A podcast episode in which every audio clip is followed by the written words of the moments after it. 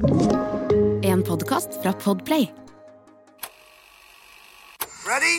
You have the cameras rolling? He was hosting boozy parties in Downing Street. But when the president does it, that means that it is not illegal. I have a dream. We will win this election and we will change the country together. Hands up anyone who's been to Peppa Pig World. Velkommen. Velkommen. Mitt navn er Sofie Høgestøl. Og mitt navn er Eirik Bergesen. Og dette er vårt nokså uhøytidelige, veldig personlige forsøk på å gå bak ukens nyheter, lete etter sammenhenger, si noe om framtiden, på jakt etter det store bildet, slik vi ser det. Hver fredag. Og nå har vi i to uker hatt to episoder, og da skulle man tro at vi er utsnakket. På ingen måte. Og fordi nå gleder vi oss veldig, veldig til å snakke om to menn spesielt. Boris og Jens. Ja, for jeg gikk inn i denne episoden og var sånn Jeg orker ikke å snakke mer om Trump. Hele denne uken har vært Trump. Jeg orker ikke å snakke mer om det. Eh, vi kommer til å måtte snakke mer om det i ukene som kommer. Men nå skal vi fokusere på to andre herrer som, eh, som trengs Som av diverse grunner, litt forskjellige grunner, da, er, aktuelt i nyhetsbildet. Og av litt forskjellige grunner som vi liker. Mm. Fordi eh, Og du spesielt Boris er jo ikke helt ulik Trump, men du Nei. liker Boris bedre enn Trump. Er det lov å komme med et slikt frampeik? Ja, altså, jeg husker jo Bo Boris fra tiden jeg bodde i eh, London, rett før han ble Ja, når han, prøvde, når han skulle bli eh, mayor of London første gang. Eh, men Og jeg kunne lese Han skrev jo Han, han, jo, han skrev jo masse sånne tekster i, i han, han kan jo være ganske morsom. Han skrev jo bøker. Han er jo mye mer intellektuell enn Trump. Han har jo ofte mm, Det er jo sånn han ofte liksom, fremstilt seg selv i offentligheten, at han er en sånn stor tenker og skriver liksom lange bøker om liksom antikkens tid og liksom et sånn langt historisk perspektiv. Eh, Det har ikke Trump gjort. Nei, det har ikke Trump gjort. Men, men det han har gjort eh, de siste, den siste uken, er ganske Trump-aktig, og det skal vi snakke om. Det er, det er ganske crazy, rett og slett. Ja. Det gleder jeg meg til. Og så skal um, eh, vi ta en telefon til Brussel. Ja. Uh, til min eh, gode TV 2-kollega Elin Sørsdal, som er altså midt oppi eh, det som nå er um, ja, begynnelsen på toppmøtet. Altså Mm. forsvarsministeren er nå samlet Uh, eh, på dag to ja. i Nato, eh, og um, eh, i forkant av Natos eh, toppmøte. Eh, og hun sitter midt oppi ryktebørsen. Skal Jens fortsette eller ikke? Det svaret får dere i denne episoden. Ja, er Jens fanget av Nato? Eh, er han fanget i Brussel? Det skal vi snakke eh, Det er veldig gøy. Vi fikk jo denne ideen litt fordi at eh, på Facebook-siden vår så stilte vi spørsmål til lytterne liksom, hvem skal vi ha som sommergjester. Og da var et av, eh, en av svarene sånn ehm, Vi vil gjerne ha mer korrespondenter. Og det skal vi levere på. Vi skal levere på det i dag. Å, vi har ikke vært så flinke til å få folk til å ringe inn, og sånne ting, for det er jo litt sånn tekniske greier. Så vi skal eksperimentere med det i dag. Og så skal vi begynne å spille inn sommerepisodene våre neste uke, hvor vi skal ha en Jeg kan røpe at det er da en eh, korrespondent fra NRK for å balansere ting. Vi skal ha en sommerskole, rett og slett, vi. Eh, Og det blir kjempegøy. Vi, skal, vi skolerer jo oss selv eh, Mhm. med denne podden. Vi informerer jo Vi hverandre. eh, Og, og, og blir eh, informert av andre gjester. Det er viktig. Eh, Så, men aller først, da. eh, Så vi er det, det til det lille bildet. bildet. Ja, har, eh, Hva har ditt lille bilde vært denne uken, Eirik? Eh, jeg altså, Dette er et en um, eh, Public service announcement. Eh, altså, altså, her må dere passe dere, eh, og ikke gå i den fella jeg gjorde. Nemlig, eh, jeg var på vei til eh, lesesirkelen min. Vi hadde sommeravslutning. Jeg eh, måtte haste dit, og måtte haste med å bli ferdig med boka. Månedens bok. som for øvrig var For du har satt deg et hårete mål om hvor mange bøker du skal lese i år. Ja. Ja. ja. Og jeg, jeg, jeg, er eh, ni bøker foran, for øvrig, eh, prognosen min. Eh, men jeg skal ende på 100. Mm. Eh, tenk hvor smart jeg blir da. Eh, Kjempesmart. Men Nei, altså, men dette er da den, den, den månedlige lesesirkelen, så vi leser én og én bok, da. Og, og 'Tute med de ulver som er ute' heter boka av Ida Gilbert. Den kan jeg anbefale. Ikke alle i lesesirkelen anbefalte den. Men, eh, men jeg syns det var en, en flott satire over eh, bistandsmiljø og en, en sånn bygdekultur. Så, så ta den eh, for en kombinasjon. Men, Så du men leser denne boken? ja, og jeg var faktisk da reelt da, som sagt, fengslet av den. Har noen sider igjen. Går og leser på, langs, På gata. Ved, ved Grønlandsleiret, og klarer selvfølgelig da også snuble i en fortauskant. Eh, falle fremover på alle fire. Boka fyker som en prosjektil bortover eh, fortauet. Jeg river opp eh, tøyskoene mine. Nei! Ja, ja. Eh, og og eh, eh, mine stødige Toms, som nok hadde sett sine beste dager, og, og en, en litt yngre dame snur seg og bare 'Går det bra med deg?' Og så var jeg sånn, ganske beskjemmet. Og var sånn, ja, jeg, jeg jammen må slutte å lese bøker mens jeg går, ser det ut som. Som er eh, en sånn random ting å si. Og så tenker jeg jeg prøver å putte litt kontekst med å forklare lesesirkelen. Nei, det er bare helt håpløst. Ikke gå dit. Eh, så, så, men eh, beklager til veitrafikkmyndighetene om at de nå må gjenåpne kategorien da, i skadestatistikken sin med, med, med altså, uh, fotgjengere som leser bøker. Ja. Um, så, så jeg har lært min lekse. Jeg har ikke lest eh, Du har også vært på sommerfester. Det er sånn, eh, hvis, du, hvis du er i skravleklassen i Oslo, så er dette høysesong for sånne eh, fancy sommerfester. Du har vært på noen av de denne uken. Jeg har akkurat tid til å gå på noen av de. Litt fordi at jeg har hatt andre jobbting.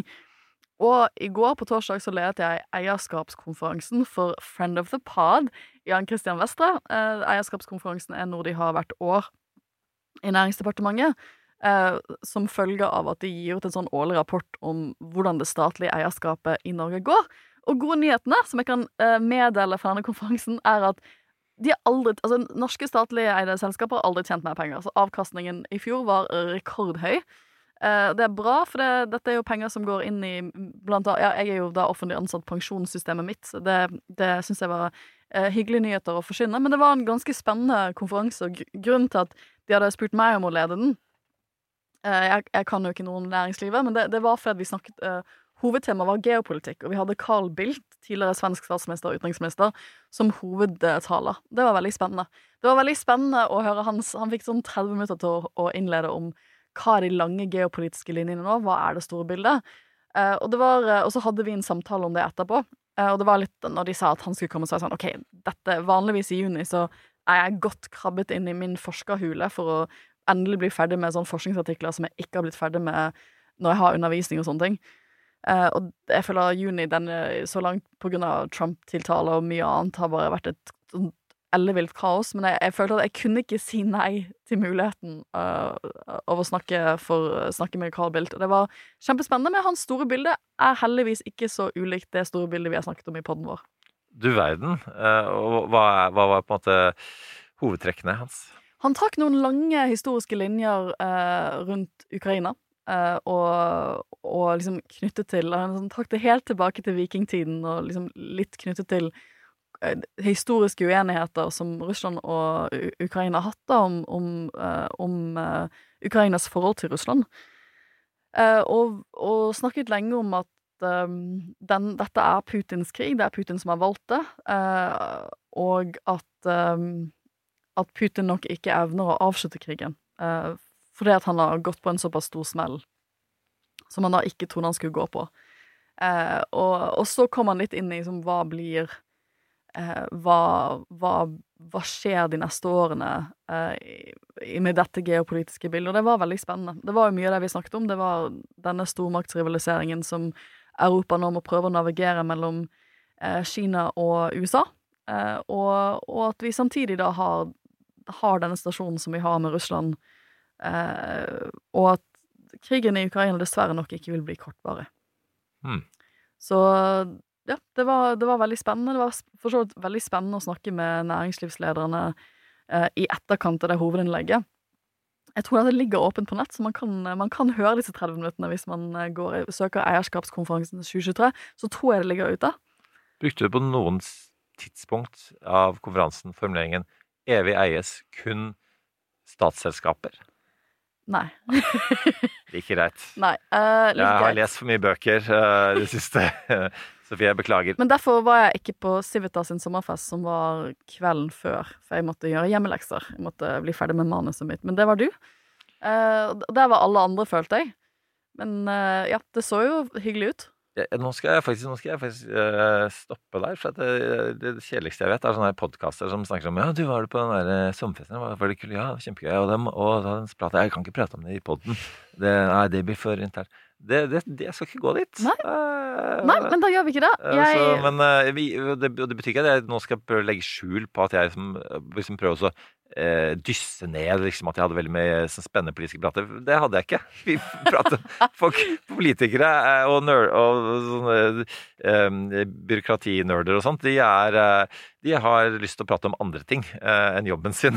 Og det, på en måte er egentlig de festene bare for at du skal få lov til å drikke litt eh, øl og slappe av, Mm. faktisk. Så det er ikke Det- mer spennende enn det for de som eh, tenkte noe annet. det unner jeg alle. Eh, men la oss komme inn i ukens Ja, fordi tema. du Altså, Boris, du, ehm, eh, du Noen ganger så sender du meg sånne gledesstrålende meldinger. Og dette må vi prate om. eh, og, og dette var en av de gledesstrålende meldingene da Boris endelig liksom var ute. Var, liksom- og, altså når han kom på arenaen, var det med brask og bram. Og når han forlot arenaen, så var det også med brask og bram. Ja, for det, det som druknet litt i Trump-tiltalen forrige uke, det var at eh, Boris Johnson sjokkerte britisk presse ved å rett og slett gå av som eh, ja, stortingsrepresentanter, eller Member of Parliament, som de kaller det i Storbritannia.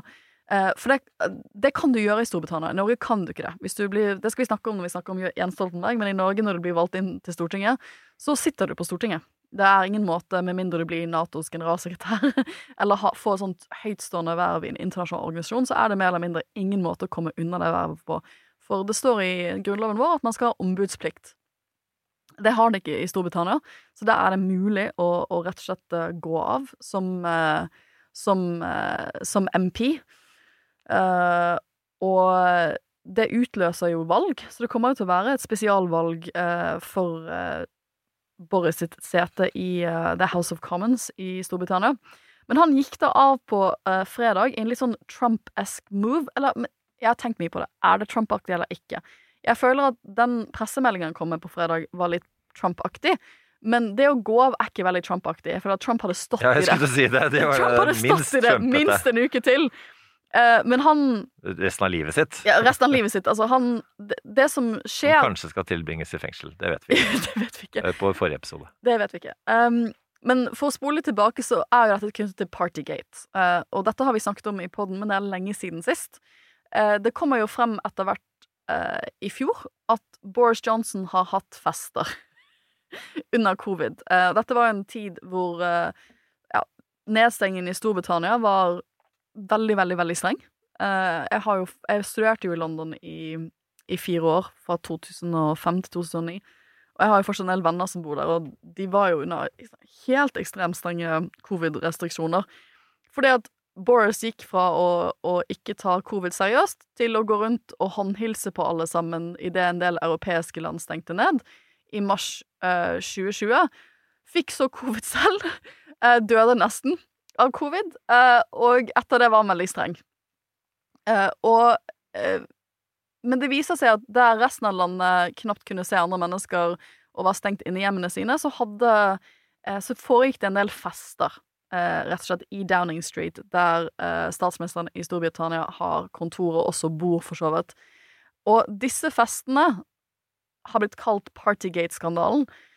Og når dette kom frem, så måtte jo uh, Boris Johnson, som da fortsatt var statsminister, forklare seg til det britiske parlamentet. Og det har blitt uh, Det som har vært uh, parlamentet sitt hovedgreie etter det, har vært at han har løyet til dem. For han kom jo Jeg, jeg husker jeg så på disse Jeg så på disse debattene hvor han kom og forklarte seg live eh, fra det britiske parlamentet, hvor han da sa sånn You know, there were no parties. Det var ingen fester. Det var ingen fester.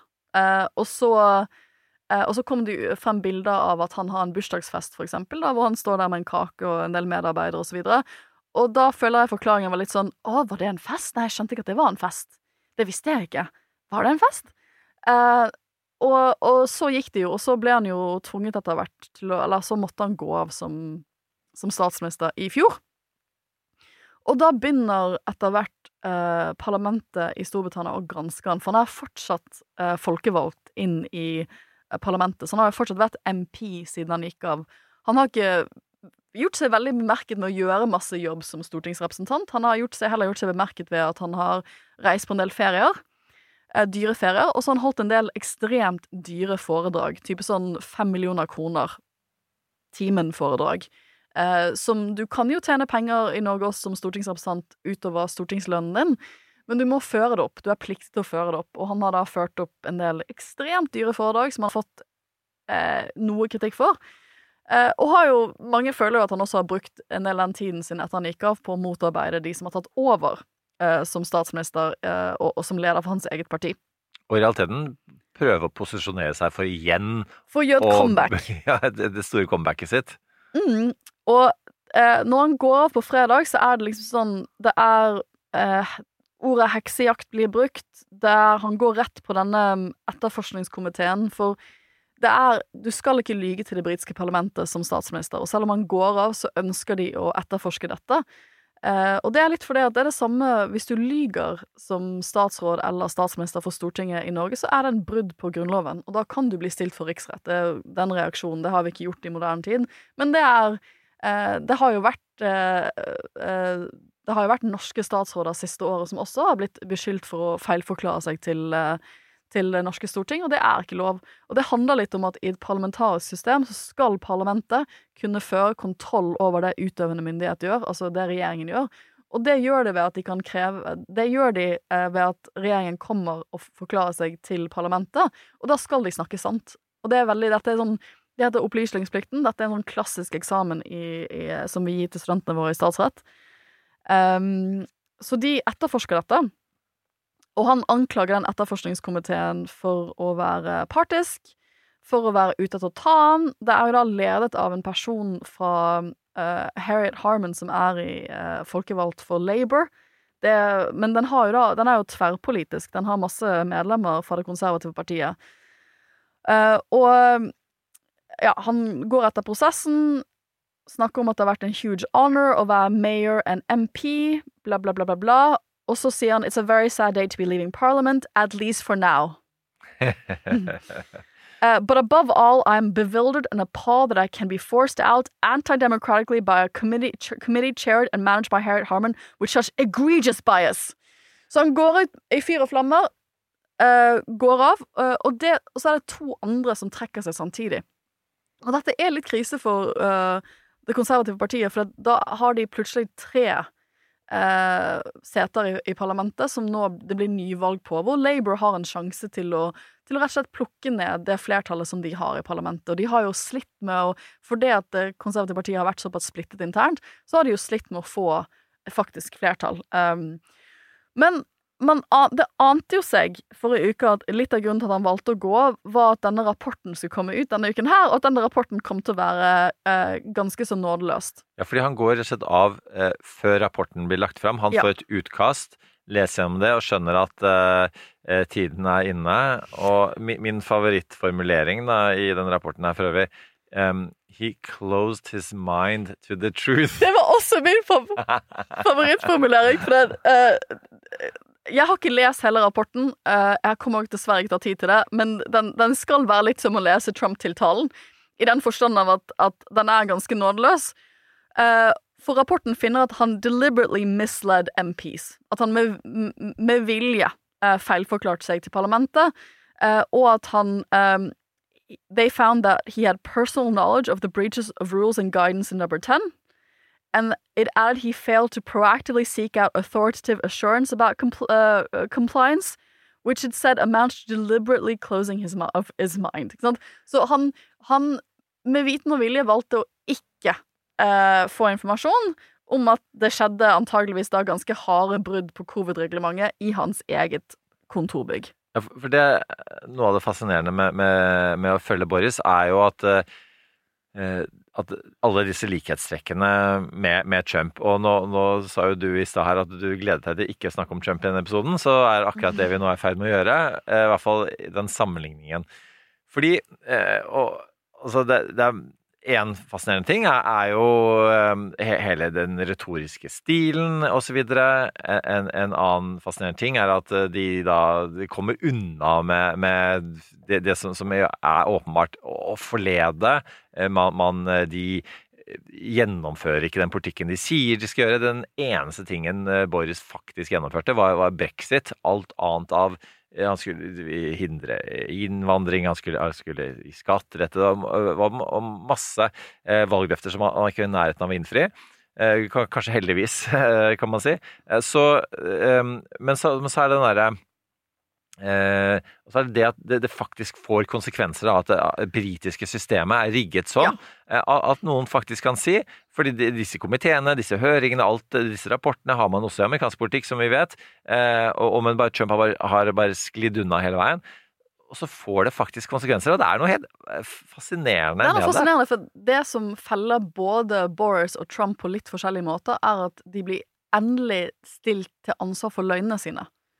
For denne komiteen tror ikke på at Boris Johnson har, ikke har visst at han har vært på fest når han har vært på en fest, eh, sin egen bursdagsfest. De, de, de, tror ikke på dette. Og det er jo Både Trump og Boris har gjort en karriere av å vri litt på sannheten. Boris blir jo eh, sparket som journalist fordi han har løyet eh, i en, eh, i, i, når han skrev en sånn eh, kommentarartikkel eh, i sin, en av sine tidligere arbeidsplasser. Og, og, nå møter han rett og slett en hard, en hard komité som ikke la han slippe unna for det. Og det er litt det samme med Trump, at han har, han har jo gang på gang på gang løyet, eh, vridd om på sannheten, og nå møter han politiet ikke sant, i en straffesak. Og da er det ikke like lett å slippe unna med den type lygging. Og så er det igjen, for å komme tilbake til den der eh, 'closest mind to the truth'. Altså, min tolkning av, Nei, det, er så, det er så bra formulering. det er så bra, og, for, og, det, og, grunnen til at det er så bra, er at det er liksom, liksom måten jeg alltid har sett på Trump, at Altså, hva som er sant eller ikke sant, det, det er ikke Det er egentlig helt uvesentlig. Det er ikke sånn hodet hans fungerer. Altså, det er det han kan komme unna med, som er, er poenget. Det er, det er, liksom ikke sånn at han sier tenker sånn, ok, dette er sannheten. Du, du brukte formuleringen 'vri på sannheten'. Han tar ikke utgangspunkt i sannheten, og så sier han noe annet bevisst. Altså, han sier det som passer han, og, og det på en måte Eh, altså, Jeg skal ikke si at, at det gjelder på at folk som jobber med, som eiendomsmeglere, eller jobber med kjøp og salg av eiendom, da, um, uh, i seg selv. Men, men, det er klart at det, det, det er jo selvfølgelig uh, forretningslivet på Manhattan i New York som har formet han litt sånn. Når han tar med seg den kulturen inn, inn i politikken, og politikken vet vi også er jo virkelig vrir man på, på sannheten og, og forsterker og, og forminsker ting. Eh, det, det, er jo litt av name of the game, men så er det liksom det som, som Trump gjør, som er så, det er så ublu, og det er så uten, uten skam. ikke sant? Det, ordet skamvett fins jo ikke på, på, engelsk, så vidt jeg vet. Men uh, altså, det, er jo, det, er jo, det er sånne ting som, som, vi som ser på det utenfor, bare um, stusser over. Og så er det jo det at det amerikanske systemet dessverre er lagd sånn at det, var, det var ikke Altså, ja, faktisk grunnlovsfedrene tenkte på det, i den forstand at det, hele poenget med valgmenn eh, er jo å hindre at demagoger skal forføre befolkningen. Så skal noen som eh, er litt eh, mer kløktig i statsmannkunst, eh, vite at hva som er i ferd med å skje, og så hindre det. Og, og, så selv det funker jo ikke da i moderne tid.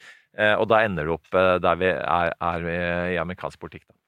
Ja, og rapporten mot Boris denne uken er veldig tydelig på at The contempt was all the more serious because it was committed by the Prime Minister, the most senior member of the government. He misled the House on an issue of the greatest importance to the House and to the public, and did so repeatedly. Og jeg føler at komiteen her tar litt parlamentarismen til, liksom, til forsvar. Og sier at i vårt parlamentariske system så skal regjeringen komme og forklare seg til parlamentet. Da skal de snakke sannferdig. Og gjør de ikke det, så skal det få konsekvenser.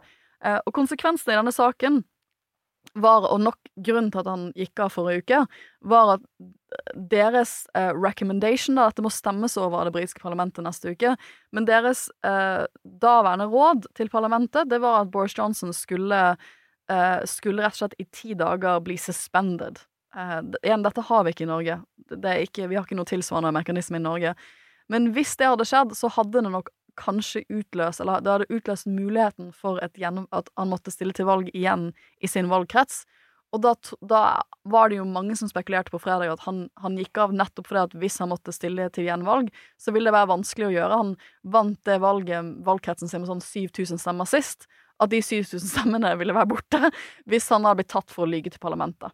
Eh, så han trekker seg i, i, sånn at han ikke må gå gjennom en valgkamp som han taper, for da er han plutselig en taper, ikke sant? Da han stemt ut av det britiske parlamentet. Og det gir han en, en, i alle fall en teoretisk mulighet til å gjøre et comeback på en eller annen måte. Men for det at dette er Boris Johnson, så er det jo masse sånn Jeg har liksom prøvd å nøste opp i alt det rare som har skjedd siste uken. For han har også kranglet med Rishi Sunak, den statsministeren i Storbritannia, om at når han gikk av som, som statsminister i, i fjor sommer, så eh, på vei ut av som statsminister, så kan du gi liksom sånn Hva skal vi kalle det? Eh, de kaller det en honors list, a resignations honors list, som er litt sånn rar kutyme, hvor du da gir eh, en Du premierer en del personer som har vært lojal mot deg i din periode som statsminister. Og det ser ut, dette vet vi jo ikke, dette kan vi ikke si med 100% sikkerhet, men det ser ut som han i sin resignation honors list har prøvd å gi sin eget far a knighthood. Han har prøvd Han har, han har prøvd å gi sin egen far en, en, en tittel, rett og slett, eh, som er helt absurd. Han har også eh, nominert en rekke folk, de, og de kommer til å få Noen av disse folkene kommer til å få det de kaller i Storbritannia for parage, som i denne forstand betyr at de blir valgt inn for livstid til The House of Lords. For dette har vi aldri snakket om i podkasten før, men eh, Storbritannia er egentlig et tokammersystem, hvor du har The House uh, uh, of Commons, altså vanlige folk, uh, som er det egentlig reelle folkevalgte organet, og så er det The House of Lords, hvor du har sånn 777 uvalgte personer som har, blitt, som har blitt utnevnt dit av forskjellige grunner. Noen av de er veldig altså, Jeg vil absolutt eh, anbefale lytterne våre å høre på The Rest is Politics-podkasten om dette. Noen av de er reelle sånn, flinke folk, da, men de er jo alle til felles at de ikke er De er jo ikke folkevalgt, disse folkene her. Eh, og du sitter der på livstid, rett og slett. Dette, jo, dette, dette, er- de er jo en av de eldste sånn institusjonene i verden. Uh, de stammer tilbake til you know, the 13th century. Uh, for, men det kommer jo fra at England er et kongedømme med masse lords som har sittet i dette her uvalgte og kunne bestemme ganske mye. I dag har de begrenset en makt, men Boris har da nominert blant annet en sånn 29 år gammel spesialrådgiver som ikke har noen kvalifikasjoner som vanligvis ville gjøre henne kvalifisert til den type livstidsposisjon som hun nå har fått, og det har også forståelig nok skapt en del sinne. Men det som, det som er det pikante, er at han har antageligvis prøvd å gi to andre personer, sånne lifetime peerages, to andre spillere, som da ikke har fått det, og de ble så sinte at de sluttet i The House of Commons fordi de ikke fikk dette her. En av de spekulasjonene man eh, gjør nå i etterkant, fordi man regner jo ikke med at eh, Boris kommer til å gå stille i dørene fremover heller, er jo om kan man se for seg et tredjeparti eh, i, eh, i Storbritannia, eller i realiteten et fjerde parti, sånn sett, da. Fordi man har også Lib, Lib Dem, selv om de ligger litt med brukket rygg om dagen.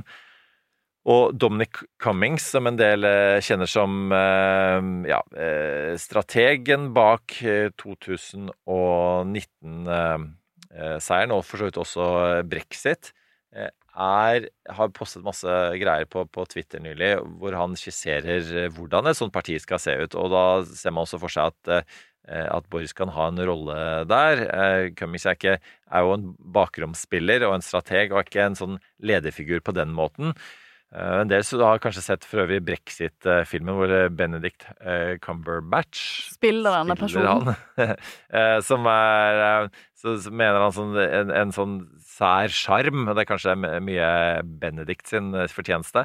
Men, men disse folkene har jo, har jo en sjarm, og det er jo sånn På en sånn rar måte jeg, jeg, jeg, Altså, det er jo et eller annet med det har jo Trump også, for øvrig. Eh, og, og for noen som har, han skal jo analysere ikke bare eh, hva makta tenker om sånne folk, men hva, hva er det som gjør at de de faktisk blir valgt? Hvorfor og- har de så mye ja. appell? For jeg tror Ja. en av de tingene vi gjør gang på gang når vi eh, eh, snakker om Trump, er at vi ikke får frem nok den, for å bruke ordet sjarm, da, eller den appellen han har til en del folk, som syns han er morsom. Som syns han de morsomme stemmene han bruker, eller måten han feil sånn, uttaler China, China virus, ikke sant, på sånn morsom måte som de syns er ganske sånn lættis, da. China, Gina.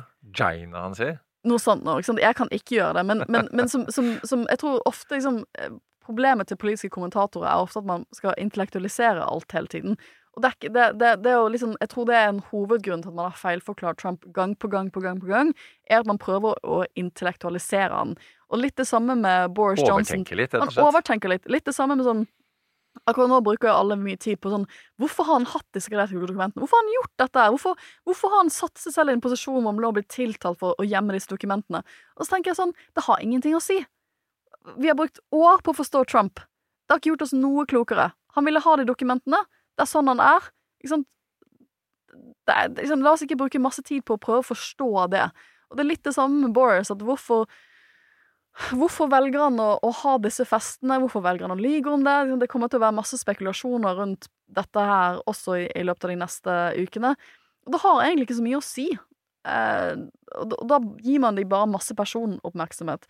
Nå skal det britiske parlamentet neste uke stemme over denne rapporten, og det blir veldig spennende å se hvor mange konservative medlemmer som stemmer for rapporten, og for anbefalingen i rapporten. Uh, og det tenker jeg er jo store forskjell mellom USA og Storbritannia. Det konservative partiet, deler av det i alle fall, har brøtet med Boris. Dette her er a bridge too far. Dette er for mye.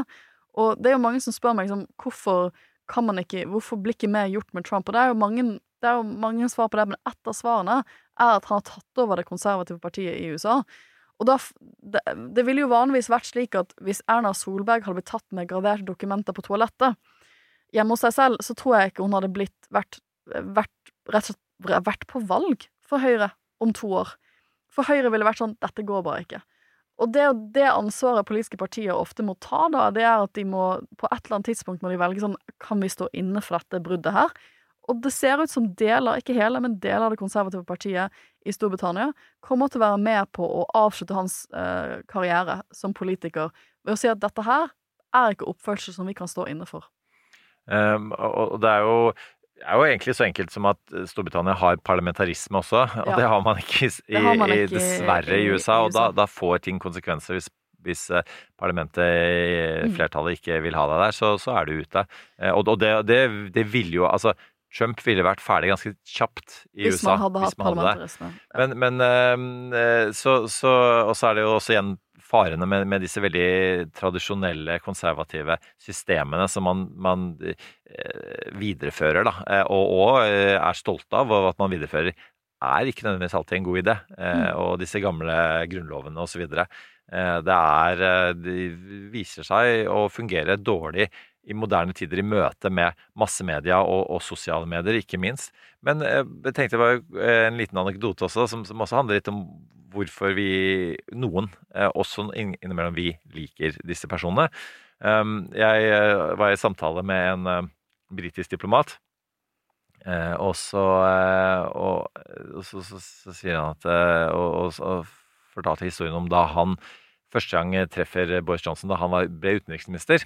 Og det er sånn allmøte i Utenriksdepartementet, og, og mange er, er, skeptiske, eh, fordi man kjenner jo Boris fra før av. Og han var spesielt skeptisk. Eh, han sa det var veldig lite ved Boris som jeg eh, liker. Og så forteller han at da Boris var ferdig med å snakke, så, så, var, så ble det en høylytt applaus. Og han selv måtte innrømme at it was bloody enjoyable. Men det er jo tingen, han, han har nok et intellekt og en sånn evne til en talegave, for eksempel, en evne til å ordlegge seg, som Trump nok ikke har med eliten. Så Boris er jo eliten. Han har ja. gått på Oxford, han har vært, han har vært på um, Eton. Han har denne ekstremt tradisjonelle elitebakgrunnen eh, og eliteintellektuelle. At han kan appellere, han kan holde en sånn tale og være ekstremt sjarmerende. Og så har han på en måte eh, Det, det er sånn uh, intervju med han hvor han uh, snakker til kamera, og så det er på, på basketballbane. Det, du, altså, det er jo kjempegøy og, og hvis du går inn på YouTube og Boris og, og sport, da. Det er jo en, en fotballkamp, en sånn veldedighetskamp, hvor han bare er sånn grisetakler en kar. må ligge og vri seg. Og Boris og for øvrig også sånn, um, løfter armene til dommeren. 'Her har jeg gjort noe galt.' Og, og så er det en sånn rugbyseanse hvor han grisetakler et barn. Uh, for øvrig. Uh, også, men så er det en på basketballbanen hvor han står og prater, og så bare er kurva i bakgrunnen, og så bare når han er ferdig med å prate, så kaster han uh, ballen bak seg, altså uten å kikke på kurva, og ballen går gjennom kurva. Og det er sånn det, det, er, det, er, så Boris. Mm. og, og, det er og det er liksom sånn herre Så det er, det er, noe sånn altså rett og slett likeable da, med, med en sånn ja, karakter. Og det kan jo, som du var inne på, godt være at han velger å prøve å brenne ned partiet sitt. eh, etter Altså, det er veldig klart at han har gjort ganske mye den siste tiden for å sabotere Rishi Sunak, som jeg tror irriterer han ved at Rishi Sunak har ikke gjort så dårlig som statsminister. Det er jo fortsatt masse problemer. Det, det, ting er jo hinsides styrt i uh, England nå. De, de, de sliter på mange måter. Men Rishi Sunak ha- har vist seg å være en mye bedre statsminister enn Liz Truss. Og jeg tror nok de aller fleste vil si at han kommer nok til å sitte til det neste valget. Hans posisjon virker å være ganske fredet nå. Um, og det irriterer jo selvfølgelig Boris, som har lyst til å komme tilbake i statsministerstolen selv. Uh, han har for øvrig Vi sa jo at Trump hadde bursdag dagen etter han ble, måtte stilles for retten på tirsdag. Uh, Boris har bursdag på mandag, og det er da britiske parlamentet skal uh, stemme over den rapporten. Så det er, det er av det er, det er to herrer som har litt av en bursdagsuke her. Vi kommer litt inn for landing her, da. Ja. Så bare uh, Det som slår meg, er at man kan jo selvfølgelig også la seg fascineres av andre politiske lederskikkelser eh, i, i positiv forstand. Eh, liksom en, en Zelenskyj, selvfølgelig. eh, En, en Obama, eh, for eksempel. Men så er, må man samtidig spørre seg, midt oppi ja, en ganske sånn personorientert politisk landskap da, i verden, at er det nødvendigvis bra at, at personen på toppen får så mye oppmerksomhet? Og nå skal vi jo inn i en lokalvalgkamp nå, og selvfølgelig så, så er jo det ut i alle kommunene, store og små. Eh, og så blir det en del oppmerksomhet rundt eh, partilederne likevel, og, og, og statsministeren og sånt. Og, og det er jo på en måte Jeg tar meg selv i å tenke innimellom at litt betryggende at det er ikke så viktig hvem som leder eh, Arbeiderpartiet og dermed landet, eller om det er Jonas eller Erna. Det, altså, lederstilen, eh, måten de eh, Du, du snakket om, om eh, eierskapskonferansen. altså Måten det byråkratiet, da, statseide selskaper og, og alle institusjonene fungerer. Det er et system som, som fungerer, eh, og, og- og det er, gjør at, at personen på toppen ikke er altavgjørende, sånn som man fort kan tenke i, i til og med i USA, og selvfølgelig også i en del land som er, er, er i krig og krise. Eh, Så, så jeg slår et slag for systemet. Jeg slår også et slag for systemet, og litt kjedelige politikere. Det, det, jeg tror det er en ting man kanskje Berlusconi døde jo fortsatt også forrige uke. At Det var en sånn uke hvor disse store personlighetstype machodrevne mennene De har jo alle visse fellestrekk. Eh, Trump, Berlusconi og Boris. Eh, at man kanskje tenker seg at det er litt fint med litt, litt mer kjedelige og traurige politikere som faktisk jobber. Og der har jeg en god avslutning. Mm. Eh, en, nok et eh, kanskje forfeilet forsøk på å dra inn en fotballmetafor. Jeg prøver meg likevel. Fotballtrenere. eh, Det er ikke gitt at de mest karismatiske, flamboyante eh, personlighetene er gode fotballtrenere. Altså takke seg til en Eirik eh, Horneland i, i, i Brann. Altså på en måte Noen ganger er det litt sånn byråkrattypene eh, vel så gode, eh, fordi det er jo ja, det er laget, da. Det er, det er, det er, systemet. Det er, er eh, strategien, spillesystemet eh, osv. som, som ofte er avgjørende. Og mange ganger kommer en Mourinho eller hvem det skal være, i veien for det. Jeg vet ikke om jeg klarte å lande det metaforet, Nei, jo, men vi landet hvert iallfall temaet. Absolutt. Og med det skal vi bygge en bro over til en annen mann på toppen, som er litt i sånn motsatt situasjon av Trump og Boris, i det at han har gjort en såpass god jobb at det er nesten umulig for han å slutte i denne toppjobben han har. Eh, fordi at det er vanskelig å se at noen andre kan fylle de skoene på samme måte i den turbulente tiden vi lever i nå. Og med det så skal vi ta og ringe rett og slett ta en liten telefon til Brussel. Da er det på tide å ønske velkommen eh, til Elin Sørsdal, som altså sitter i Brussel. Velkommen, Elin. Tusen takk. Du er jo eh, TV 2s europakorrespondent. Eh, og vi har jobbet eh, sammen både med, med USA og Europa og Norge eh, i TV 2. Eh, og nå har du vært en tid i Brussel og er altså midt i Nato-toppmøtet.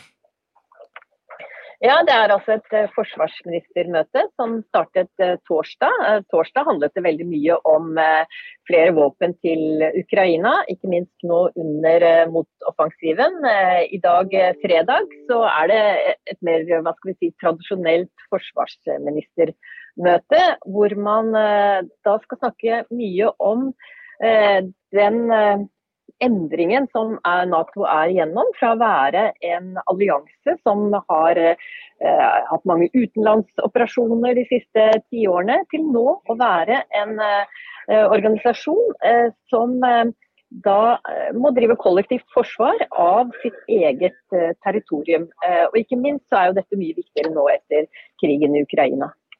Ja, og krigen i Ukraina har på en måte forandra litt hele ja, den langsiktige strategien til, til Nato, da. Det, verken de eller noen andre hadde jo regna eh, med dette. Eh, Kina og det var jo andre problemer som, som de skulle løse. Men, eh, men, nå er de jo midt, midt oppe i krigen, og, og, kanskje på det mest dramatiske tidspunktet siden den begynte. Hvordan er det det preger møtene der nede?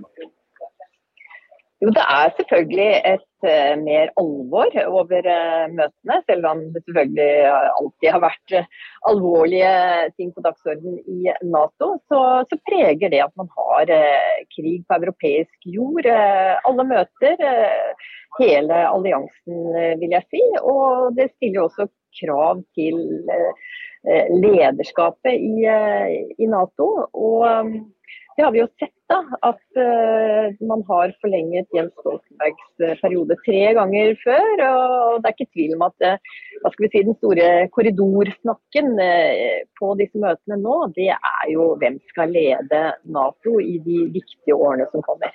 Ja, for, for, det er jo litt derfor vi ringer deg. Vi har lyst, på, vi har lyst til å høre hva er det egentlig som skjer på innsiden av, av dette ledervalget. For det, som du sier, Jens Stoltenberg er jo nå historiens lengst sittende generalsekretær i Nato. Nest, nest lengst. Nest lengst. Eh, jo, Joseph Luntz han eh, hadde jo til og med et eget møterom og, etter seg i det gamle Nato-hovedkvarteret. Eh, jeg tror kanskje Jens Stoltenberg også får en eller annen plakett fordi han har vært leder i en, en veldig viktig tid.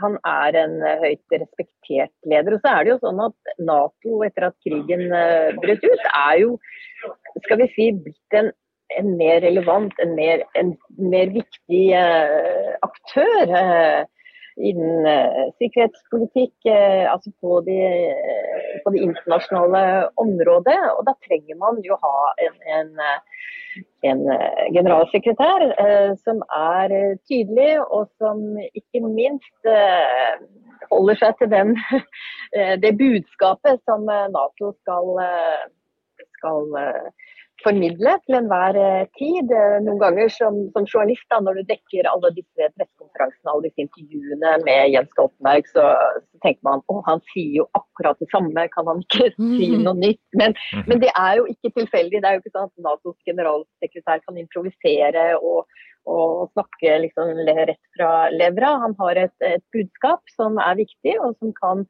påvirke eh, faktisk eh, både krigens gang, eh, prosesser. Derfor så, så er han kanskje til, til dels repeterende da, for, for, oss. Men en, en, en, svært populær generalsekretær i alle medlemsland, vil jeg si. Ja, Jeg husker veldig godt når han ble utnevnt. Da slo det som en bombe at Jens Stoltenberg skulle Da hadde han jo tapt valget. Mm. Skulle være vanlig stortingsrepresentant. Og det er jo vanligvis ja. ingen måte å komme seg unna det på. Du, hvis du valgte inn i Stortinget, så skal du sitte der i fire år. Eh, og så blir han rett og slett eh, Natos generalsekretær, og da får han permisjon fra Stortinget til å gjøre det. Eh, og jeg husker veldig godt ja. pressekonferansen.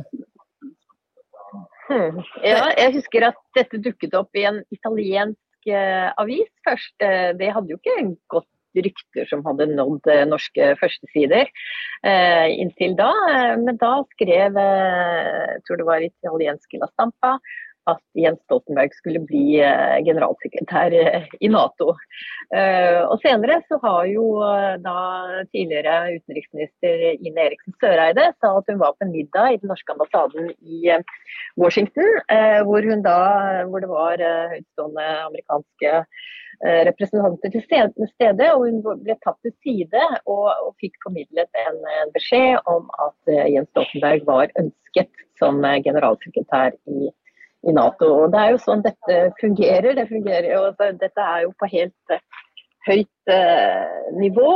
og Det er ikke tvil om at det er USA som den største eh, og mest betydningsfulle makten eh, landet i Nato som, eh, som bestemmer mer eller mindre hvem som blir ny generalsekretær i Nato. Mm.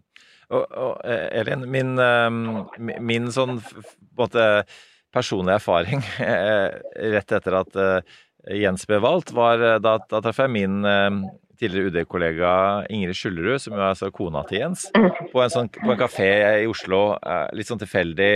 Og, og, og, så sier hun at ja, nei, han, han er jo egentlig ikke så veldig opptatt av utenrikspolitikk, da. Så det var liksom og, og, det var kanskje ikke nødvendigvis drømmejobben til Jens da. men så begynte det jo å tetne til i amerikansk politikk med eh, for, for, Jens ble jo da Dette var jo høsten 2014, eh, og så kommer jo da, som vi vet, eh, Trump og blir president i 2016. Og så var det jo et ganske spesielt, spesielt valgkamp før det. Og, og, og, og så skjønte jeg på henne at, at det, den jobben begynte jammen å bli spennende, fordi hele Natos eksistens sto på, på spill. Så og så kommer krigen, som jo man heller ikke hadde eh, ventet. Så, så, Jens fikk jo de på en måte de to store oppgavene som han ikke hadde eh, beregnet da han fikk jobben, eh, og er vel kanskje hans ettermæle, da, før vi går inn i den store cliffhangeren om han blir værende eller ikke. Hans store ettermæle er vel nettopp de to tingene der. Både hvordan han har håndtert krigen, og, men også hvordan han har håndtert Trump. For det er jo eh, veldig få som kommer unna å håndtere Trump eh, på en måte som gjør at Trump ikke blir forbanna på deg. Men ifølge Trump da, så er eh, Hvordan er det? Hva er det han sier? Han sier at, at Trump er Jens Stoltenbergs beste venn. Eh, ikke, ikke, motsatt, da. Der, eh, opp, og på, men, men, men de, de, det er jo en sånn De, de klarte jo å, å, å være vennskapelig. Han han, man klarte å unngå at Trump tok NATO ut, eller USA ut av Nato, selv om han har truet med andre ting. Definitivt. Eh, og det vil stå igjen uh, uansett hvor lenge Stoltenberg blir i Nato, som uh, hans store bragd. At han klarte å håndtere Trump på en måte som gjorde at alliansen rett og slett kunne fungere og, og, overlevde. Selv om kanskje det ville vært noen andre voksne i rommet i, i USA som ville grepet inn hvis det ble for vilt. Nå er jo Jens Stoltenberg ganske forsiktig viktig, siden han fortsatt sitter i denne jobben, med å fortelle detaljer om hvordan eh, møtene og denne perioden med Trump var. Men jeg håper jo at han en gang eh, kanskje setter seg ned og skriver litt om denne perioden. Eh, og det andre er jo selvfølgelig krigsutbruddet, og hvordan han har håndtert de 16 månedene med krig i Ukraina. Det å sørge for at denne krigen ikke Eh, spant over på um, Nato-territorium. Eh, presset var jo enormt til å opprette flyforbudssone, til å sende inn folk på bakken osv. Og, og det har han selv sagt at de samtalene med um, Zelenskyj, hvor man er nødt til å si nei, vi kan ikke gjøre det, nei, vi kan ikke gjøre det, uh, de var tøffe. Og kanskje noe av det tøffeste altså, i løpet av, uh, av denne, denne, krigen. så når man skal skrive kapittelet kapittel om Jens Stoltenberg i historiebøkene, så, så vil definitivt disse to hendelsene være definerende. Ja, Elin, som du var inne på, dette er, jo ikke en, jo ikke en jobb man søker på. Denne jobben blir ikke utlyst på finn.no. Det er ikke å, å sende en uh, det, det, det, er, det, er, ganske sånn myteomspunne prosesser som leder fram til at man blir Natos generalsekretær. Og sånn som jeg husker prosessen sist, så var det jo mye snakk om at det var ønskelig at det var en tidligere statsleder. At det var ikke nok å ha vært utenriksminister eller forsvarsminister, men at de ønsket å ha noen som hadde statsledererfaring. Og personen som hadde denne stillingen før uh, Jens Stoltenberg, har jo vært ute og sagt at uh, det å være dansk statsminister var jo, Han trodde det var mye jobb, men da han begynte i Nato, så viste det seg at det var ingenting i forhold til det trøkket han hadde som Natos generalsekretær. Uh, og det, det, har jeg tenkt på mye i etterkant, gitt hvor turbulent den perioden som Jens Stoltenberg har, har altså, Den utrolig turbulente tiden han har vært gjennom nå som leder, at det er det arbeidstrøkket du må ha vært gjennom de siste årene, må ha vært enormt. Og da er jo spørsmålet hva, må hva blir kvalifikasjonene denne gangen? For når verden er så urolig som den er nå, og som du er inne på, når eh, Natos generalsekretær nå må gå denne ekstremt vanskelige balansegangen hvor man støtter Ukraina, men ikke eh, blir en aktiv part i krigen, hvilke kvalifikasjoner vil da alliansen trenge for å få en ny leder? Det er klart det at eh, De to siste generalsekretærene har vært eh, statsministre, eh, betyr at der er, listen er lagt der. Eh, Mm. man vil gjerne ha en tidligere eller nåværende statsminister. Til nød en utenriksminister eller forsvarsminister fra et stort land. Og Da snakker vi liksom Storbritannia, eh, ja, andre store, store land. Men helst en statsminister. Og så er det fordi vi er midt oppe i en krig, så kan det ikke være en statsminister som er for haukete, som man får kalle det på norsk. Som er for aggressiv i forhold til eh, Russland. Eh, og der eh, har Man har jo kandidater, eller i hvert fall selverklærte kandidater fra østeuropeiske land, eh, som eh, Kaja Kallas, eh, statsminister i Estland, som er kvinne, så hun tikker opp på den boksen, men som oppleves som for aggressiv, for pågående. Og man ønsker jo da også en kvinne denne gangen, fordi man har aldri hatt en kvinnelig generalsekretær i Natos snart 75 år lange historie. Eh, Så, eh, så det er ikke så lett. eh, Og samtidig Ja, nei, for hvis, hvis, hvis man skal helst ha vært statsleder, og da ikke mm. kanskje være fra et land som grenser for mye til Russland og være for haukete, så er jo listen Mhm. ganske kort. Ja, den er jo, den er jo det. Og ja, dette er jo en helt spesiell stilling. eh, Og eh, man skal jo heller ikke kanskje søke den for aktivt eh, selv. Da. Du har jo den britiske forsvarsministeren Ben Wallace, som selv sier at han ønsker denne jobben. Han kommer fra et stort land og med en lang historie i, i, i Nato. Eh, Men eh, problemet med Storbritannia er jo at de ikke er medlem av EU. Og jeg tror at en rekke av EU-landene vil ikke godta at det er en ikke-EU-person som, eh, som leder eh, Du kan si du har Jens Stoltenberg. Han er, de er jo ikke medlem av EU, men Norge er jo ikke medlem av EU, men vi har i hvert fall ikke aktivt forlatt Nei, vi har- vi har ikke slått opp med dem. Nei, vi har ikke gjort det. Det er fortsatt litt såre følelser der, da. Eh, men eh, det er jo ikke så veldig lenge siden. Vi, vi, vi glemmer jo lett eh, at eh, det ble rapportert at USAs eh, favoritt var faktisk eh, Christia Freeland, som er kanadisk. Og som er visestatsminister og finansminister i, i Canada. Men hun er forsvunnet ut av eh, bildet, og det kan jo bety at eh, det ikke har vært noe entusiasme for henne eh, blant de andre medlemslandene. Og Samtidig så henger jo også dette litt sammen med toppjobbene i EU som skal deles ut til neste år etter europaparlamentsvalget. Eh, og Det er jo flere av de aktuelle kandidatene, som Pedro Sánchez, statsminister i Spania, og Mark Rutte, som er mangeårig statsminister i Nederland, som nok også eh, kunne tenke seg en av de postene. Eh, samtidig så er man jo livredd for i eh, Nato at man liksom blir en del av eh, EU-kabalen. Eh, man må få dette på plass før, før man begynner å fordele stoler i, i EU. Eh, og I tillegg så har man jo sånn eh, langt der bak, eh, selv om det er rettssaker og, og tiltaler mot Donald Trump, så kan man ikke utelukke en fire nye år med Trump. Derfor så må man også ha en person som kan håndtere en person som, som Trump, eller kanskje en annen republikansk president. Dette vil jo selvfølgelig Joe Biden eh, sikre seg eh, mot, at man ikke får den samme situasjonen som man fikk eh, med Trump. At, at hele si, grunnlaget for, for Nato ble, ble, satt i fare.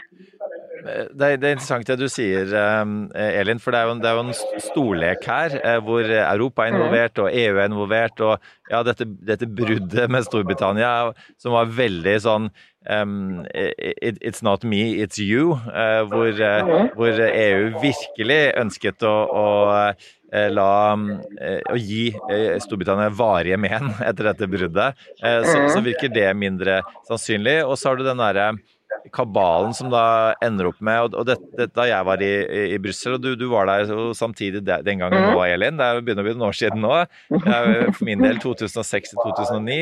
Da var jeg med og vant. Eh, kampanjen for å få eh, Torbjørn Jagland til å bli eh, eh leder for Europaparlamentet. Um, Europarådet. Unnskyld. Europarådet. Eh, og og, og, og, det var vi jo jeg, jeg, var vel like forundret som alle andre over at han faktisk vant frem. Eh, vi hadde jo et sånn lanseringsmøte på, på delegasjonen vår hvor vi, hvor vi introduserte han da, for, for Brussel-miljøet. Og, og, han Altså Jagland er, er, undervurdert på mange måter, han. Eh, og han eh, hadde en god kampanje, og han, han gjorde en god jobb. Men, men, det var jo ikke veldig sannsynlig at han skulle bli det. Og det er liksom sånn Det er den kabalen som plutselig gjør at andre havner andre steder. Og både kandidater og land får, får andre verv, da. Som, som, men i den derre Eh, i den kabalen, så, så, så, er jo en av de som er blitt eh, nevnt, eh, som, som vi ikke har snakket om enda, som en veldig veldig het kandidat inntil nylig, mm. Mette Fredriksen, statsminister ja. i, i, Danmark. Hva, hva var det som gjør at hun nå bare for noen få dager siden sier at hun uten at noensinne har lansert sitt kandidatur, sier at mm. hun støtter Jens, da? Nei, Mette Fredriksen er fortsatt, eh, vil jeg si, en eh, troverdig kandidat. Eh, problemet hennes er at hun tydeligvis ikke har klart å, å få nok land bak seg. Jeg snakket med en kilde for noen uker siden, og vi også da skrev en sak på tv2.no hvor det var ca. halvparten av Nato-landene som stilte seg bak henne. Men det er jo ikke nok. Så, um, så, hun har tydeligvis da ulike årsaker. Her kan man også tenke seg at det er en del av de østeuropeiske landene som eh, både i Nato og EU syns det er veldig urettferdig, siden de har vært medlemmer i Nato siden 1999 og EU siden 2004. Eh, kun hatt én framtredende post eh, i eh, fire år. Eh, fem år. Eh, som, det var Donald Tusk som leder av EUs råd. Eller så når aldri de østeuropeiske kandidatene opp i disse kabalene. Disse ganske attraktive eh, internasjonale jobbene, vervene. Eh, så, så, det har vært eh, motstand mot, eh, mot eh, Mette Fredriksen. Eh, og det som jeg syns er interessant, da, det er at det virker ikke som om USA, som da egentlig har hånd om denne prosessen, eh, har eh, hatt en fast hånd om dette. For ellers så eh, vil man jo ikke havnet i den situasjonen at man ikke har eh, en klar kandidat fire uker før et toppmøte, hvor man egentlig har bestemt at her skal vi presentere en ny eh, generalsekretær. Nå sier ikke jeg at ikke den general generalsekretæren kan være klar til, til Vilnius i midten av juli. Men, men, det virker ikke som om eh, Joe Biden har um, gått fullt og helt inn i dette. Uh, før i hvert fall akkurat nå de siste dagene. Uh, og det, uh, det, er jeg litt forundret over, da. Jeg husker for øvrig Donald Tusk som den fremste motkandidaten til Torbjørn Jagland den gangen. Så var det andre årsaker til at Tusk falt ut da, enn at han var mindre kvalifisert. Men kan det være at den derre vendettaen som Mette Fredriksen hadde med Trump, Eh, hvor eh, da han ville kjøpe Grønland, og hun sa at det overhodet ikke var aktuelt, eh, og, og, og, tanken på at Trump kan bli president igjen, kan, kan det ha hatt noe å si? Det, det, tror jeg ikke. Nå ble de jo eller, ganske gode venner etter hvert. Da, til tross for at Trump hadde sagt at det var en nasty uttalelse. Ja. Han sa ikke hun var en nasty woman, men det var nesten. Så, så, selvfølgelig. Men jeg tror at Mette Fredriksen med sin årsstatsminister eh, framstår som en ganske tydelig og klar leder, som nok eh, vil klare, hvis det blir aktuelt, hvis man kommer i den situasjonen, eh, å håndtere Donald Trump. Det, det tror jeg absolutt. Eh, og jeg snakket med den belgiske statsministeren for eh, noen uker siden på et toppmøte i Moldava med, med, problemet med at de tre siste generalsekretæren i Nato, hvis det skulle bli eh, Mette Fredriksen, som da var veldig eh, hot eh, navn, kommer fra nordiske land. Og da var han helt klar på at hvis det er den beste kandidaten som vi klarer å bli enige om, så er ikke det noe problem. Men det er klart, dette ses jo litt annerledes ut da, fra, fra andre steder i alliansen. F.eks fra, de, fra landene i eh, Øst-Europa. Og da, eh, Når situasjonen er som den er, så er jo ingenting enklere enn å gripe til det som da ligger opp i dagen, nemlig nei, nå spør vi Jens Stoltenberg igjen om han kunne tenke seg å forlenge for en fjerde gang. Og det er ikke utenkelig, og det har ligget i kortene ganske lenge. Allerede i februar i år så skrev eh, den tyske avisa Welt am Sonntag at man faktisk eh, var i ferd med å mm, inngå en avtale med Jens Stoltenberg, eller i hvert fall ønsket medlemslandene at eh, han skulle forlenge eh, til 2024 og til toppmøtet som skal feire da 75-årsjubileet, markere det, til Nato. Men på det tidspunktet så, mm, så tror jeg også at Jens Stoltenberg eh, insisterte på å, å, å, dra hjem, eller dra hvor han da skal herfra, etter, etter Nato. At han ikke ønsket det. Eh, og så kan man tolke uttalelsen som Jens Stoltenberg kom med i går. Eh, sa, åpnet han egentlig for det? Det, det kan jo tolkes på, på flere måter. Eh, men, ja, men det kan hva, hva var det han sa i går ja. for, for lytterne våre som ikke har fulgt med? Ja, eh, I går så fikk han et spørsmål på vei inn i et av, dette forsvarsministermøtet om eh, det var aktuelt for han. Eh, og eh, da sa han eh, at når det kommer til min etterfølger, så er det et spørsmål som avgjøres av de 31 medlemslandene. Jeg er ansvarlig for alle beslutninger som denne alliansen tar, bortsett fra én, og det handler om min fremtid. Det er det de 31 allierte som, som bestemmer. Og så la han til at jeg har ingen andre planer enn å reise hjem. Eh, så kan du si at eh, så kan det tolkes på to måter. Sa han egentlig at eh, prosessen er sånn at det er medlemslandene som utnevner generalsekretær eller forlenger generalsekretær? Var det et generelt statement? Som, eller uttalelse, som han sa, eller, eh, eller, snakket han om seg selv? Eh, og så, så, gjentar han det som han alltid sier når det stiller han det spørsmålet, at jeg har ingen andre planer enn å reise hjem i slutten av september. Ja, han, han, har jo hatt ingen mm. andre planer siden han skulle bli sentralbanksjef i Norge, og ikke kunne bli det pga. forlengelsen sin. Um, Neida. Så det, det, jeg så at uh, Aftenposten sin sånn forklart podkast uh, hadde en sånn episode mm. som het sånn Er Jens Stoltenberg fanget uh, i Nato? Uh, når de ikke greier å komme til en enighet med andre. Og, og, og, og, er det litt den dynamikken vi ser, da? For det at man mm. ikke kan finne frem til en kandidat som får nok oppslutning blant de medlemslandene, så faller man tilbake på at da må Jens Stoltenberg bli sittende, for han fungerer så godt, til man greier å finne en sånn kandidat. Ja, det er nettopp det som er uh, situasjonen. Og det er klart at hvis uh, president Joe Biden ber Jens Stoltenberg om å sitte noen måneder, kanskje nesten opp til et år, da, fordi at den feiringen som egentlig skulle vært 4. april, uh, som er um, 75-årsdagen for Nato, den ser nå ut til å bli i juli neste år i Washington DC. så ja, så uh, sier jo selvfølgelig ikke Jens Stoltenberg uh, nei. Han har jo i øyeblikket i hvert fall ingen kjent jobb han skal til. Eh, Jeg tror ikke han kommer til å slite med å få Ja. jobb hvis han, hvis han skulle bli ferdig i Nato. Og se seg etter andre Neida. muligheter. Men jo, men jeg, jeg er helt enig. Det er en sånn interessant dynamikk at du rett og slett er for flink i jobben, og man finner ingen andre, så du må bli sittende i det som kanskje er en av verdens viktigste stillinger akkurat nå. Men det, det eneste som ville vært vanskeligere enn, å, enn å styre Nato i disse dager, da, Elene, ville jo vært å styre norske krona.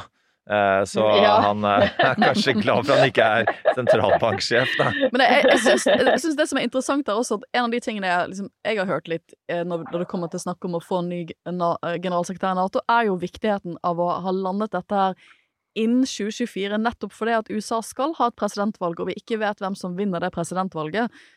Og hvis det, hvis, hvis det da blir en Trump-aktig person eller en Ron DeSantis som sitter ved roret i USA, og skal bestemme For som du sier, USA er jo den avgjørende faktoren til hvem som blir generalsekretær i Nato. Så har man Ja. ikke kontroll over den prosessen lenger. Og derfor er jo Det er jo litt derfor man, eh, man har tenkt at man må, måtte finne en løsning i løpet av dette året her. Og du har vært USA-korrespondent, Elin. Hva, hva er din analyse her? Nei, det er klart at det er en fordel å få en ny eh, generalsekretær eh, så raskt som mulig, som kan eh, jeg, jobbe seg inn i jobben. For det er jo ingen hvilken som helst jobb. Det, du har jo ikke den type erfaringer eh, fra, eh, fra ledelse som man må ha i, i Nato, hvor du da skal lede 31 eh, ulike land. Så, og Det er jo derfor også man har ønsket å ha en statsminister som har vært hands on i å i hvert fall eh, håndtere Ukraina-krigen i eh, sitt eget land. Eh, da har du vært inne i de fleste prosessene som har med, med våpenleveranser, med, strategi i Nato osv. Eh, så, så jo fortere man får dette på plass, jo, jo bedre er det. Hvis man da først får på plass en eh, ny generalsekretær langt ut i 2024, eh, så er det jo faktisk ikke så lang tid til, den, eh, til det amerikanske valget. Men eh, dette vet jo alle fra Joe Biden til de andre 30, 30 medlemslandene. Så, så, så det er klart de, de kan plutselig komme opp med en, eh, en kjapp løsning, men eh, akkurat i eh, øyeblikket så, eh, så heller det nok til at eh, Jens Stoltenberg eh, må være i hvert fall noen måneder til. Da får vi han aldri på podkasten at, at this rate, vi, men vi fortsetter å jakte på Jens. Det, det, det siste, siste jeg, fikk fra Sissel Kruse Larsen, hans medierådgiver, eh, ha- var da jeg hadde henne på, på Kommunikasjonspodden nylig, da hun var i Oslo, eh, var at eh, det må nok bli til etter at han er ferdig. Så, så vi, vi får eh, Da kan det være noe, tar noen måneder til. Men bare siste spørsmål, Elin.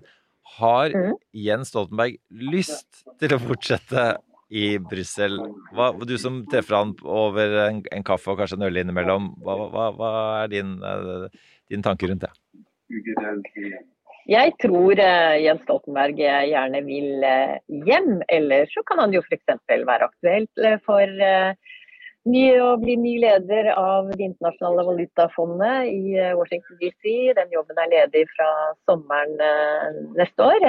Det har jo vært spekulasjoner om at det kan være noe for han. Eh, Det vil jo være midt i blinken, men, eh, men kanskje vi kan også Sentralbanksjef for. Ja. sentralbanksjef for hele Ja. verden.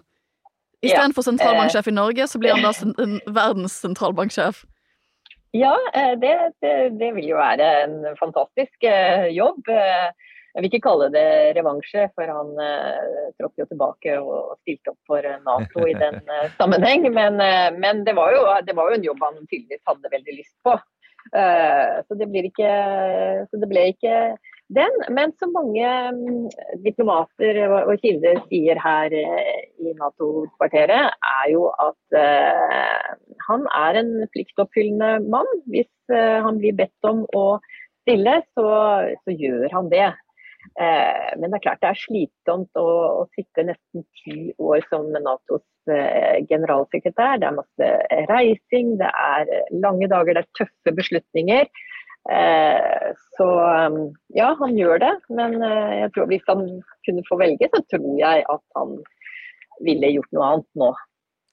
Du, det høres ut som en eh, god analyse, Elin. Og du sitter jo midt oppi alt, eh, og det er derfor vi ringer deg. Så tusen takk for at du tok deg eh, tid. um, for å, å snakke med oss. Og lykke til med å dekke resten av toppmøtet. Og ikke minst lykke til med å dekke møtet om fire uker. Det blir jo kjempespennende. Takk skal du ha.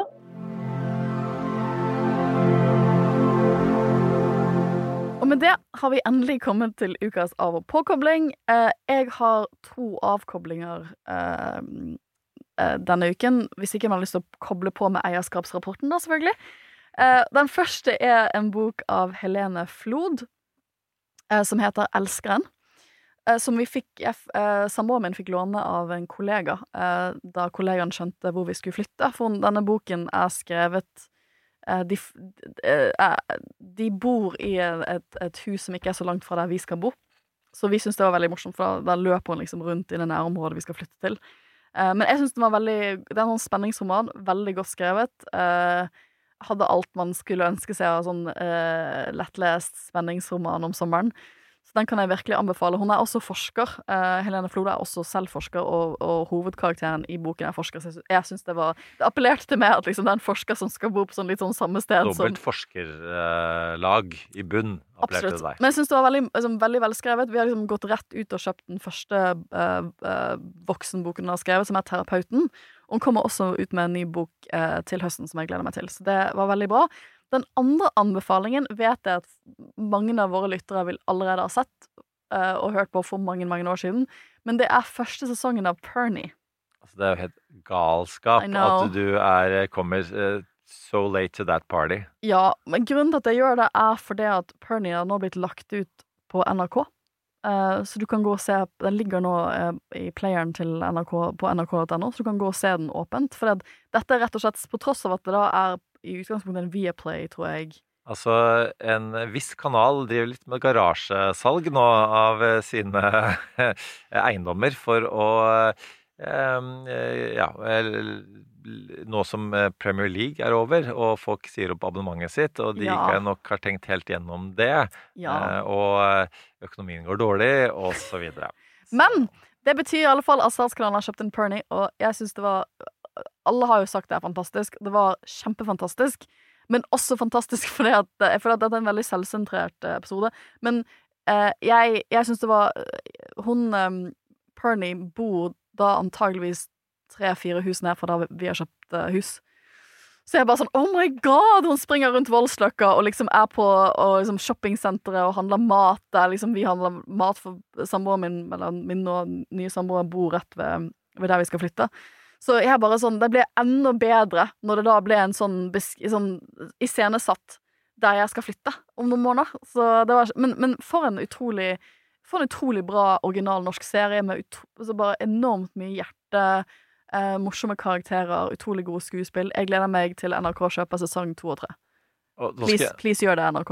Nå, skal jeg eh, innrømme at og Nå er jeg litt, litt sein til en, fest, men jeg er ikke så sein som, som deg. Men jeg har endelig sett ferdig siste episode av Succession. Og jeg har klart å unngå at du spoiler det Ja, til og meg. det har vært vanskelig for meg, Eirik. Ja, jeg vet det, og, og, og beklager at jeg har lagt sånne bånd på, på din livs, livsførsel.